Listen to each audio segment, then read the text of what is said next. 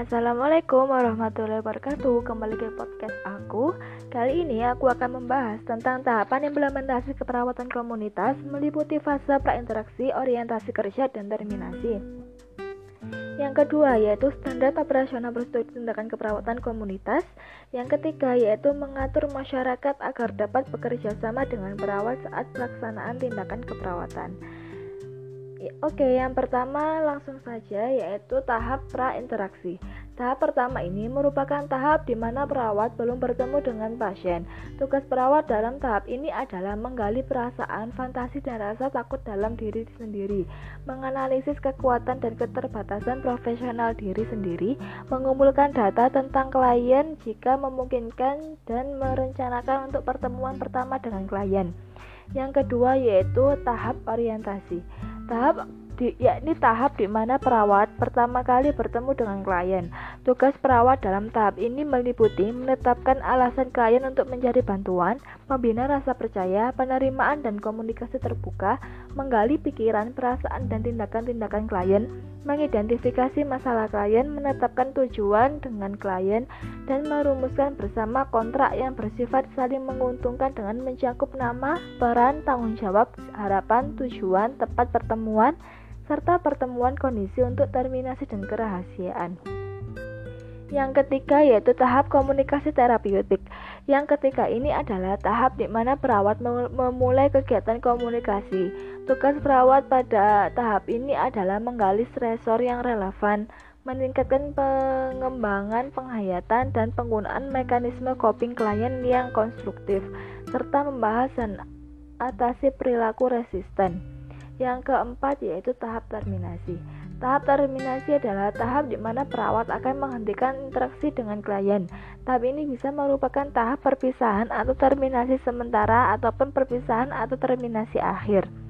Tugas perawat pada tahap ini adalah membina realitas tentang perpisahan, meninjau kemampuan terapi dan mencapai tujuan-tujuan serta menggali secara timbal balik perasaan penolakan, kesedihan, dan kemarahan serta perilaku yang terkait lainnya. Yang kedua yaitu saya akan membahas standar operasional prosedur tindakan keperawatan komunitas.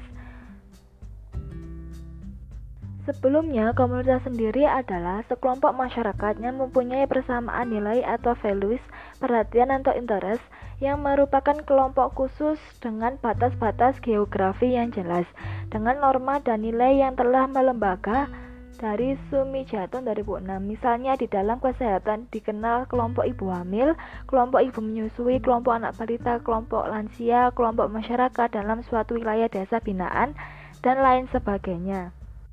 Sedangkan dalam kelompok masyarakat ada masyarakat petani, masyarakat pedagang, masyarakat pekerja, masyarakat terasing, dan sebagainya. Keperawatan komunitas sebagai suatu bidang keperawatan yang merupakan perpaduan antara keperawatan dan kesehatan masyarakat atau public health dengan dukungan peran serta masyarakat secara aktif serta mengutamakan pelayanan promotif dan preventif secara berkesinambungan tanpa mengabaikan perawatan kuratif dan rehabilitatif secara menyeluruh dan terpadu yang ditunjukkan kepada individu, keluarga, kelompok serta masyarakat sebagai kesatuan utuh melalui proses keperawatan atau nursing process untuk meningkatkan fungsi kehidupan manusia secara optimal sehingga mampu mandiri dalam upaya kesehatan. Proses keperawatan komunitas merupakan metode asuhan keperawatan yang bersifat alamiah, sistematis, dinamis, kontinu, dan berkesinambungan dalam rangka memecahkan masalah kesehatan klien keluarga, kelompok, serta masyarakat melalui langkah-langkah seperti pengkajian, perencanaan, implementasi, dan evaluasi keperawatan. Praktik keperawatan komunitas atau Community Health Nursing Practice merupakan sintesis teori keperawatan dan teori kesehatan masyarakat untuk promosi, pemeliharaan dan perawatan kesehatan populasi melalui pemberian pelayanan keperawatan pada individu, keluarga dan kelompok yang mempunyai pengaruh terhadap kesehatan komunitas.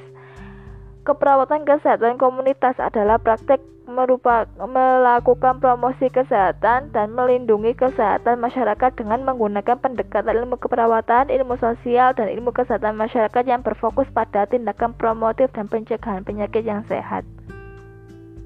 Yang ketiga yaitu mengatur masyarakat agar dapat bekerja sama dengan perawat saat melaksanakan tindakan keperawatan. Perawat dalam dunia kesehatan memegang peranan yang sangat penting dalam upaya memberikan pelayanan kesehatan yang optimal. Perawat, berkolab, perawat berkolaborasi dengan tenaga kesehatan lainnya, terutama dokter.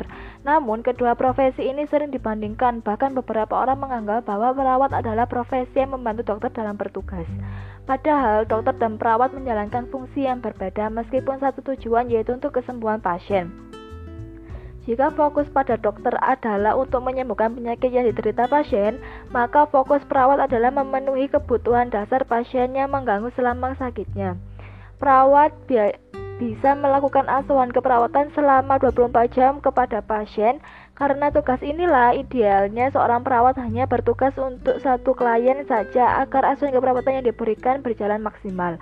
Namun nyatanya jumlah perawat masih sedikit sehingga tidak sebanding dengan banyaknya klien yang membutuhkan asuhan keperawatan. Salah satu alasan jumlah perawat yang masih sedikit adalah anggapan bahwa prospek kerja yang sempit dan gaji yang masih sedikit. Padahal saat ini profesi perawat sudah sangat berkembang dan tidak hanya bekerja di rumah sakit atau puskesmas saja. Ada banyak bidang yang bisa diisi oleh perawat seperti peneliti, dosen, hingga manajer. Terkait gaji, agaknya juga tidak perlu risau ada beberapa negara yang sangat membutuhkan perawat khususnya dari Indonesia. Informasi dari Kementerian Ketenagakerjaan Republik Indonesia tahun 2019 menyebutkan bahwa Belanda membutuhkan ribuan perawat dari Indonesia dengan gaji yang cukup besar per bulannya. Disebutkan bahwa Belanda saat ini sedang mengalami penurunan populasi produktif sehingga membutuhkan perawat profesional yang akan memberikan asuhan keperawatan kepada para lansia. Bukan hanya Belanda, Jepang juga membutuhkan setidaknya 500 orang perawat dari Indonesia setiap tahunnya sekaligus sebagai bentuk bekerja sama antara Indonesia dan Jepang yang sudah berlangsung selama 10 tahun. Ini menjadi bukti nyata bahwa kebutuhan perawat saat ini sangat tinggi. Setelah penjabaran di atas, timbul pertanyaan, kenapa masih banyak masyarakat yang menganggap perawat hanya pembantu dokter? Ini merupakan stigma yang sering terdengar dan menimbulkan kesalahpahaman. Setidaknya ada dua alasan yang mendasari munculnya stigma tersebut. Yang pertama yaitu adalah kinerja perawat sendiri yang dinilai tidak profesional sehingga terkesan hanya membantu dokter serta pengetahuan dari masyarakat yang kurang sehingga perlu diedukasi. Sekian podcast dari saya. Kalau ada kurang lebihnya saya mohon maaf. Terima kasih. Wassalamualaikum warahmatullahi wabarakatuh.